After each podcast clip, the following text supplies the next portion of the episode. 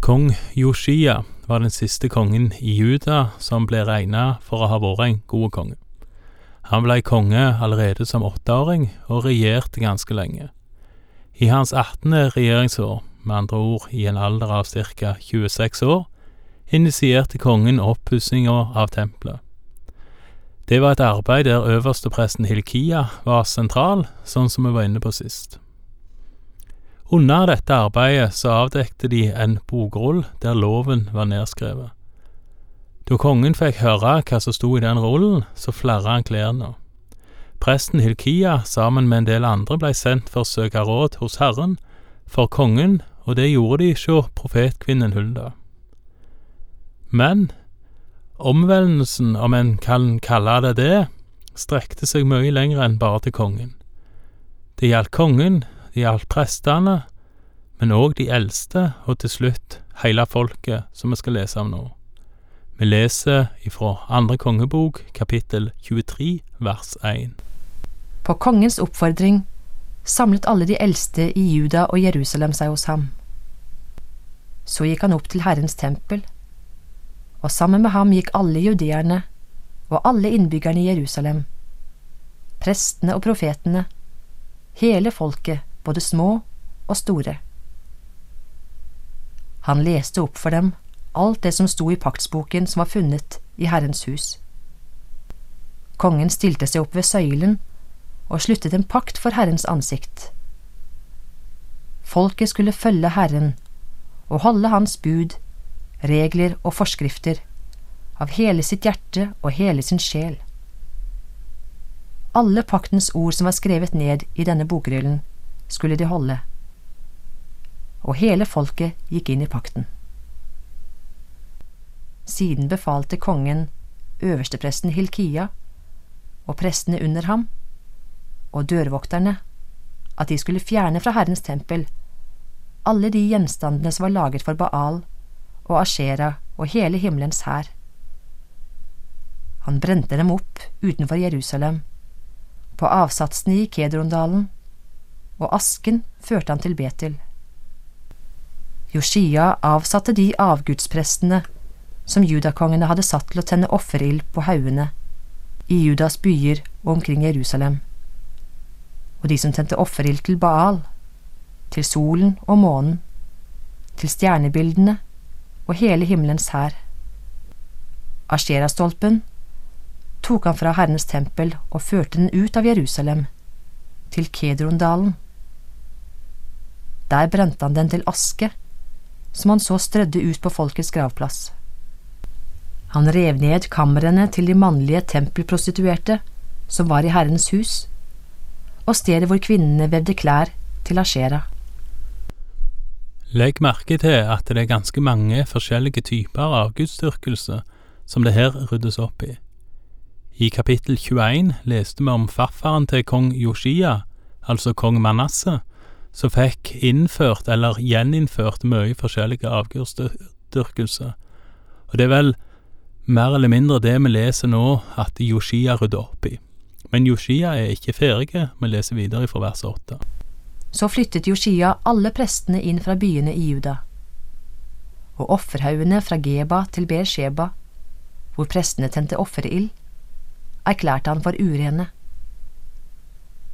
Han rev også ned helligstedene ved byporten, som lå ved byhøvdingen Josvas port, til venstre når en går inn gjennom hovedporten. De som hadde vært prester på offerhaugene, fikk ikke bære fram offer på Herrens alter i Jerusalem, men de fikk spise usyret brød sammen med sine brødre. Også Tofet i Hinnomdalen erklærte Joshia for urent. Ingen skulle la sin sønn eller datter gå gjennom ilden for Molok. Han tok bort de hestene som judakongene hadde vigslet til solen. De sto ved inngangen til Herrens tempel, i nærheten av hoffmannen Nathan Meleks kammer i forgården. Solvognene brente han også opp. Kongen rev ned altrene på taket, Ahas takhelligdom, som judakongene hadde reist, og de altrene Manasse hadde bygd i begge forgårdene til Herrens tempel. Han brøt dem i stykker på stedet og kastet støv av dem ut i Kedrondalen. Også offerhaugene som vendte mot Jerusalem, på sørsiden av ødeleggelsens berg, erklærte kongen for urene. Det var Salomo, Israels konge, som hadde bygd dem for Astarte, Sidonfolkets motbydelige gudinne, for Kemors, Moabs motbydelige gud, og for Milkom, ammonittenes avskyelige gud. Joshia knuste steinstøttene og hogg ned asjerastolpene. Stedet der de hadde stått, fylte han med menneskeknokler. I Betel rev han også ned alteret og offerhaugen som Jeroboam, Nebats sønn, hadde bygd, han som fikk Israel til å synde. Både alteret og haugen ble jevnet med jorden. Så knuste han steinene til støv og brente opp Asherastolpen.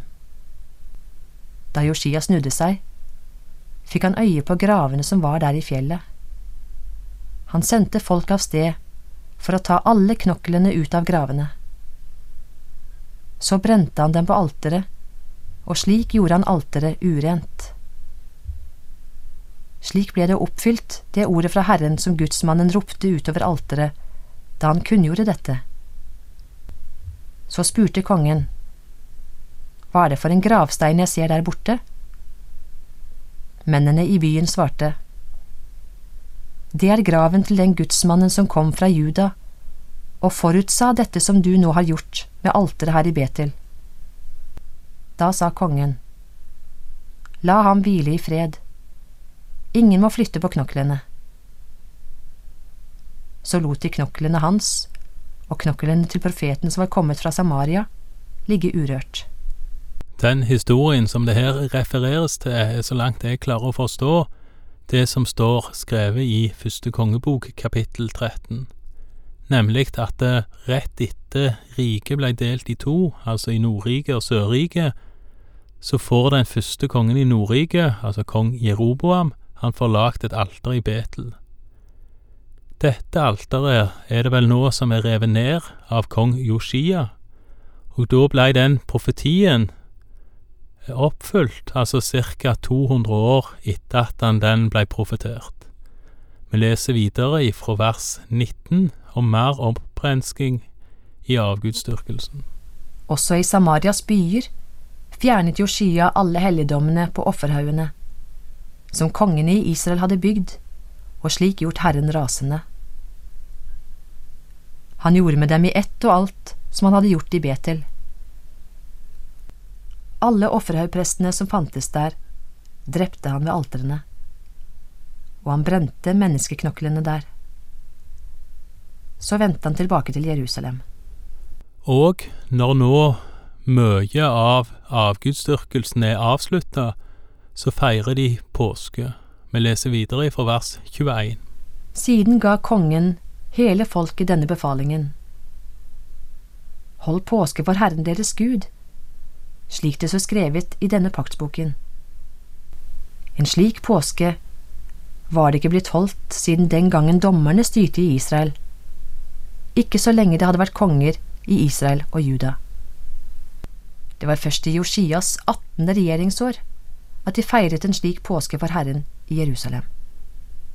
Det som står her, er veldig, veldig viktig. Det var altså første gang de feirte påske på mer enn 400 år. Det står at de ikke hadde feirt en sånn en påske siden dommerne styrte i Israel, og det hadde derfor aldri vært en sånn en påskefeiring i Jerusalem. Ikke engang David gjorde det. Det står ikke noe i dommerboka når de siste gang feirte påske. Den siste påsken som står nevnt i de historiske bøker, den er nevnt i Josvas bok, altså boka før dommerboka. Etter at Josva dør, begynner dommertida, noe en kan lese om i Dommerne kapittel 1 og 2. Med Josvas død så skjer det òg noe annet, og det er at det frafallet starter. Så å si med en gang israelsfolket kom inn i det lova landet, gikk det sånn sett nedover. Ikke menneskelig sett, Slik sett gikk det vel litt opp og ned med en oppadstigende utvikling som nådde toppen med David og særlig sønnen Salomo. Men hvis en bruker det å feire påske som en markør for å følge Guds bud, så gikk det nedover ganske fort, allerede i dommertida, som vi nettopp leste. I Dommerne to så står det ifra vers åtte. Josva, Nuns sønn, Herrens tjener, døde 110 år gammel. De gravla ham på hans egen grunn i Timrat Heres i Efremfjellene, nord fra Gaasjfjellet. Snart var hele dette slektsleddet forent med sine fedre. Etter dem vokste det opp et nytt slektsledd, som verken kjente Herren eller visste hva han hadde gjort for Israel. Da gjorde israelittene det som var ondt i Herrens øyne. De dyrket Baal-gudene og forlot Herren, sin fedres gud som hadde ført dem ut av Egypt. De fulgte andre guder, gudene til folkene som bodde omkring og tilba dem. Slik gjorde de Herren rasende. De forlot Herren og dyrket Baal og astertebildene. Da flammet Herrens vrede opp mot Israel. Over så mange hundre år, med både oppganger og nedganger, både for land og folk, men òg i forholdet til Gud, over så mange hundre år gikk det uten at det ble feira påske. Det skjedde mye bra, for all del, òg i forhold til gudstjeneste, til tilbedelse, til bygging av tempelet osv., men likevel, til tross for alt dette som var bra, så står det her, helt mot slutten av andre kongebok, at ikke siden dommertida hadde de feirt skikkelig påske for å minnes utgangen av Egypt. Kanskje kan det vi leste ifra Dommerne to, om at det der vokste opp ei slekt som ikke kjente Herren, være grunnen til at påskefeiringa på en måte falt ut. Det bør òg minne oss på viktigheten av å lære opp våre barn til å kjenne Guds ord, så det ikke igjen vokser opp en generasjon som ikke kjenner til Guds ord. Vi leser videre fra vers 24. Josia utryddet åndemanerne og spåmennene, terafene og avgudene, og alle avskyelige gudebilder som var å se i Juda og Jerusalem. Slik ville han oppfylle lovens forskrifter som sto skrevet i den bokrullen presten Hilkia hadde funnet i Herrens tempel. Det hadde aldri før vært noen konge som Joshia. Ingen hadde på den måten vendt om til Herren av hele sitt hjerte og av hele sin sjel og av all sin makt, helt som Moseloven krever. Og heller ikke siden kom det noen konge som han. Likevel sluknet ikke Herrens glødende vrede, som hadde flammet opp mot Juda fordi Manasse gjorde Gud rasende gang på gang. Derfor sa Herren, Også Juda vil jeg drive bort fra mitt ansikt, slik jeg drev Israel bort jeg forkaster Jerusalem, den byen jeg har utvalgt, og tempelet hvor jeg har sagt at navnet mitt skal bo.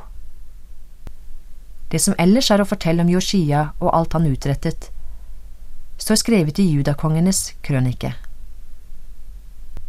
I Joshias dager dro farao Neko, kongen i Egypt, opp mot asyrerkongen og rykket fram til elven Eufrat. Kong Yoshia dro ut imot ham, men farao Neko drepte ham ved Megiddo med det samme han fikk se ham. Kongens menn kjørte den døde bort fra Megiddo.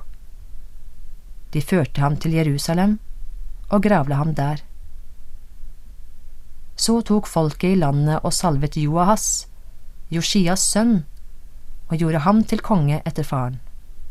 Til tross for Joshias veldige opprydning i avgudsdyrkelsen, og til tross for tilbakeføringer av tilbedelse i henhold til Moseloven, eksempel med feire påske, til tross for dette så slukker ikke Herrens vrede.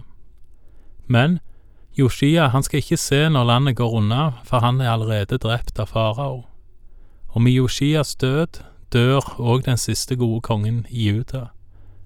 Kun to onde konger står igjen før riket faller for kongen i Babel. Takk for i dag, og Herren være med deg.